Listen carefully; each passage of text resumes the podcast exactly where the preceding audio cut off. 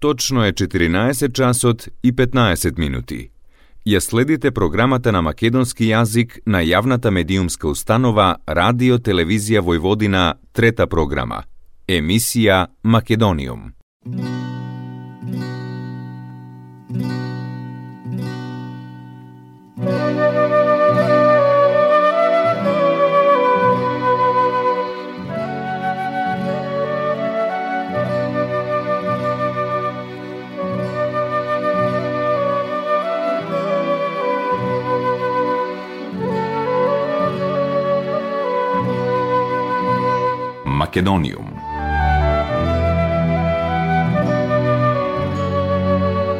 Добар ден и добре дојдовте во најновото издание на емисијата Македониум. Со вас, почитувани слушатели, е вашиот уредник и водител Јулијана Милутиновиќ.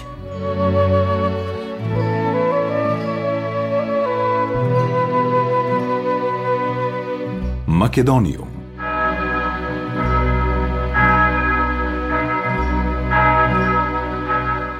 На платото пред Центарот за култура Марко Цепенков во Прилеп во петокот беше отворено 57-то издание на Македонскиот театарски фестивал Војдан Чернодрински.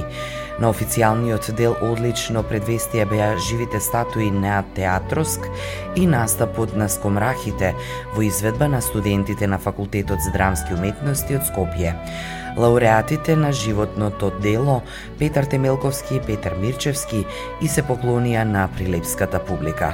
Сум рекол многу пати, а особено тоа го сватив додека бев уметнички директор на фестивалот, дека прилепчани се го чуваат фестивалот како во кожурец. Сите заедно сте заслужни за оваа голема театарска манифестација, која во оваа вечер со голема гордост и успех зачекорува во вториот дел од своето столетие и се надеваме дека сите години ќе бидат во толку убави. Или како што рекол Цепенков, да бидете здрави и живи, да сме здрави, дур сме живи, да сме живи, дур сме здрави, речете Мелковски. Во моите 44 години професионална актерска дејност сум имал можност многу пати да настапам на овој фестивал и најголем впечаток ми останува тоа што публиката што доаѓа овде знае зошто, кога и каде да реагира. Да не бевте вие, публиката, немаше ниту ние да бидеме тоа што сме. Затоа ве поздравувам уште долго да трае и на вас публиката длабоко ви се поклонувам, истакна Мирчевски. На свеченото отворање му предходеше отворање на редката родокрајна изложба на фотографии од важни стари изданија, како и дел од Коле Чашуле, автор во фокус на фестивалот. Од првиот момент кога собранието на фестивалот ме избра за уметнички директор и председател на собранието, почнав да ја креирам собствената визија за тоа како сакам овој фестивал да личи. Со фестивалот растев, од фестивалот го учев и засакував театарот, за фестивалот се градев во својата професионална област. За мене Прилеп секогаш ќе биде првата слика за фестивалот и фестивалот ќе биде првата слика за Прилеп. Затоа нема многу да ги користам зборовите, се надевам овие емоции на благодарност ќе дојдат до секој еден од вас што помогна да ја остварам мојата визија. Сите предизвици, несогласувања, прилепскиот инает, емотивниот поетски крик во мене, сериозниот театролог, трпеливоста на професорката се претопуваат во благодарноста и радоста што сме денес овде, рече Ана Стојановска, уметничката директорка на фестивалот, со која инаку уште пред повеќе од една година имав можност да зборувам за емисијата која што ја слушате Македониум.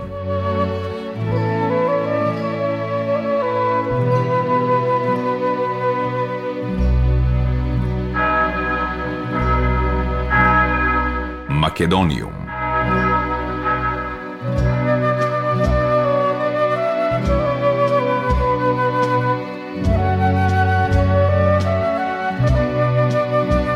Во рамките на прославата на 75 годишнината од своето основање, српскиот ансамбл Коло во Центарот за култура во Битола вчера вечер одржа концерт со ансамблот Танец како дел од регионалната турнеја наречена Колодром. Ансамблот Коло е основан во 1948 една година пред основањето на Танец. Двата ансамбли имаат долгогодишна успешна соработка, а последен пат настапиле заедно на новогодишниот концерт во Танец во 2019 година во рамките на чествувањето на јубилејната 70-та година од постоењето на Македонскиот национален ансамбл.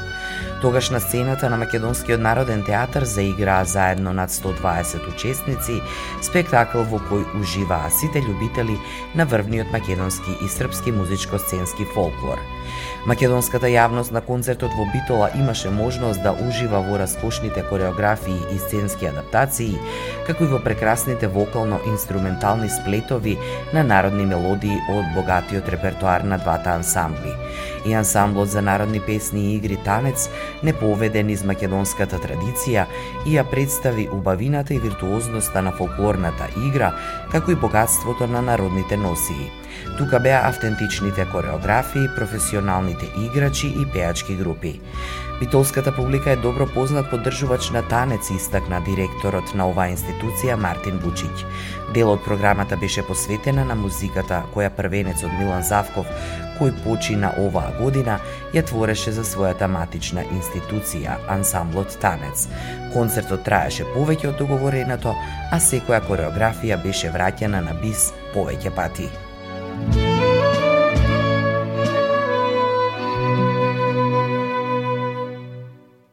Македониум.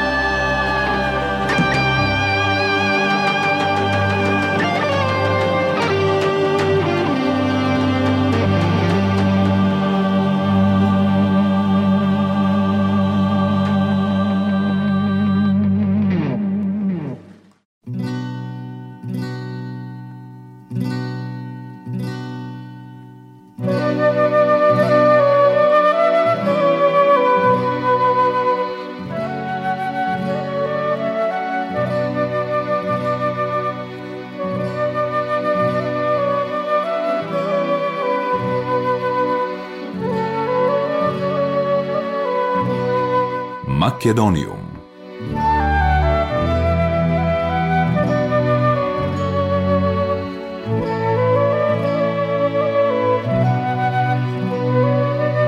После успешната манифестација Денови на македонската култура во Белград, Сдруженијето Македониум објави повик за ликовните уметници од цела Македонија кои имаат до 40 години да се пријават на конкурсот за излагање следната година, отворен од страна на Домот на младина во Белград и на тој начин, доколку бидат одбрани, да учествуваат на манифестацијата Денови на македонската култура во Белград, допир на Македонија.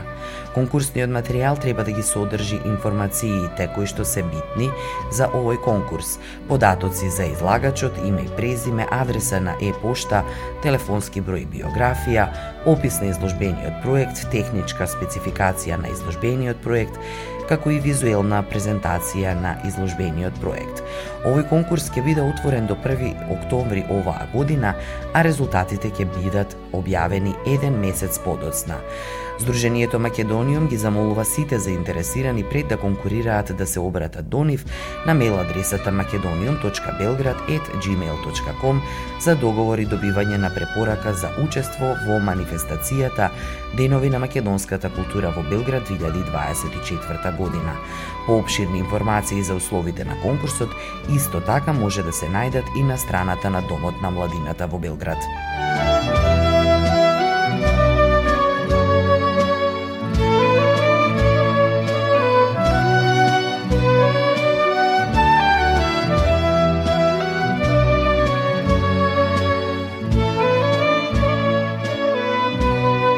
Македониум.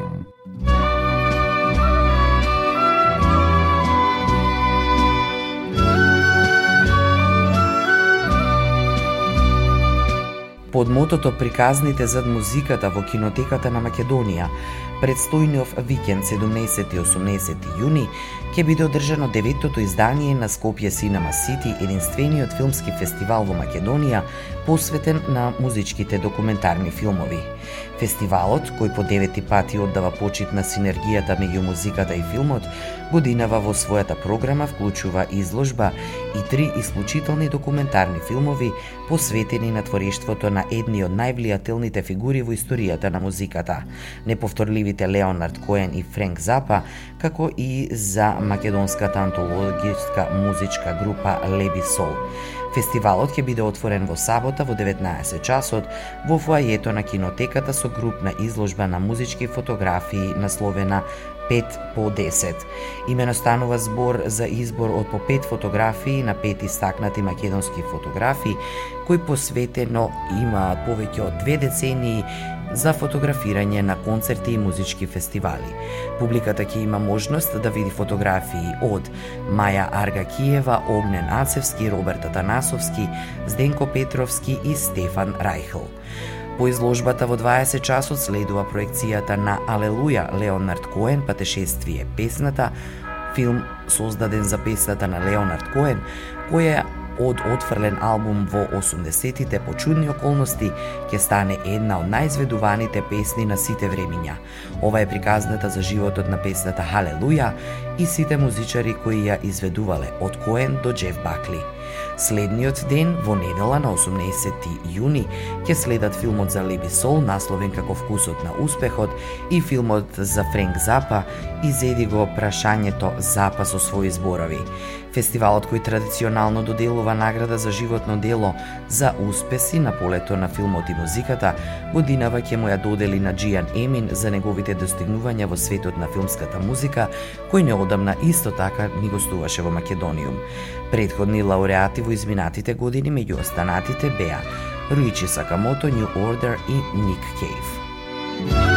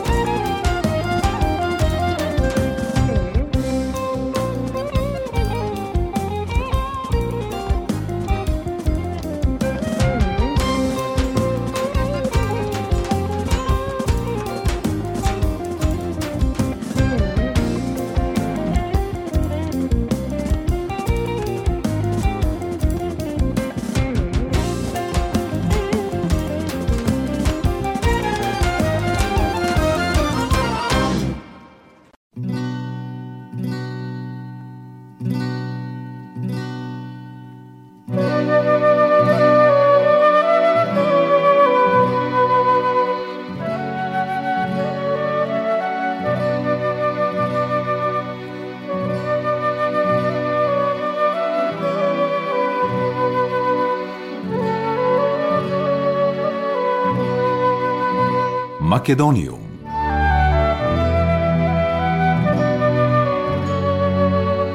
80 годишнината од смртта на Коста Солев Рацин и 115 години од неговото раѓање беа одбележани со вчерашната посета на споменикот на Врвот Сток и спомен одбележието каде што големиот поет во 43-та година трагично го загуби својот живот.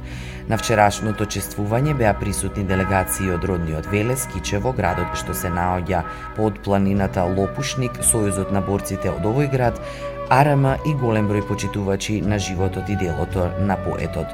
Покрај представникот на општина Велес, присутните ги поздрави Коста Нојков и представникот на општина Кичево Михајло Петрески. На чествувањето беа присутни и тројцата ултрамаратонци, кои во период од 4 дена го истрчаа патот од родниот град на поетот Велес до споменикот на Лопушник на Врвот Сток. Македонијум. Новосадски Прометеј, едно од најогледните српски книгоиздателства, деновиве ја објави книгата со три драми на македонскиот писател и драмски автор Томислав Османли. Книгата го носи насловот Пат за рајот и ги вклучува драмите Пат за Парамарибо, Двајца во Еден и Апокалиптична комедија. Преводот од македонски го направи српскиот писател и преведувач Александар Турунџиќ. Текстовите предходно беа објавени во Македонија во три различни двојазнични изданија на македонски и на англиски јазик. Додека првите два текста беа поставени во Македонија, вториот во странство и во Соединетите Американски држави, завршниот драмски текст Апокалиптична комедија беше објавен во Хрватска, како и во посебна книга во Грција. Станува збор за текстови кои ја третираат положбата на поединецот во турбулентни времиња и сите носат ангажиран пристап по кој Осман би е познат и во неговото прозно творештво. Трите драми од нивната објава Пат во рајот добиваа највисоки оценки од критиката и дома како и во странство, а сега се представуваат на љубителите на драмскиот збор во Србија. Определувајќи се за оваа книга на познатиот современ македонски писател Томислав Османли, автор на драми и сценарија, Уредникот на Прометеј Зоран Колунџија сака македонската култура и литература да ја направи се поприсутна и повидлива за пошироката публика во Србија, се вели во изјавата на Новосадското книгоиздателство со оглед дека Прометеј веќе има потврдена издавачка репутација со освоена доверба на читателите. Секој нов наслов го добива вниманието, како на критиката, така и на читателството. Ова е инаку шеста објава на македонскиот автор во Србија, каде досега се објавени неговите романи 21-виот во издание на Дерета, зад Аголот публикуван од издавачката куќа Албатрос Плюс двете од Белград, додека Новосадска Агора минатата година го објави дистопискиот роман Бродот Конзархија. Новосадското книгоиздателство Прометеј пред оваа најнова предходно публикуваше уште две книги на македонскиот писател, прозните збирки Каприча во 2019-та и Светилка за Ханука во 2021 година. Книгата Пат за рајот читателите во Србија ќе имаат можност да ја најдат во најголемите книжарски системи на Србија, како во дистрибутивните компании Макарт и Круг Комерц, како и во книжарниците Делфи и Вулкан со над 30 книжарници ширум Србија, но и во помалите книжарници со кои соработува одделот за дистрибуција и продажба на книгу издателството Прометеј. Книгата Драмски текстови Пат во рајот е помогната од Фондот за поддршка на македонски објави во странство од Македонското Министерство за култура. Почитувани слушатели, тоа беше се во денешното издание на емисијата Македониум. До следната среда во исто време, срдечен и голем поздрав од вашиот уредник и водител Јулијана Милутиновиќ. Ја следевте програмата на македонски јазик, емисија Македониум. Главен и одговорен уредник Воин Поповиќ.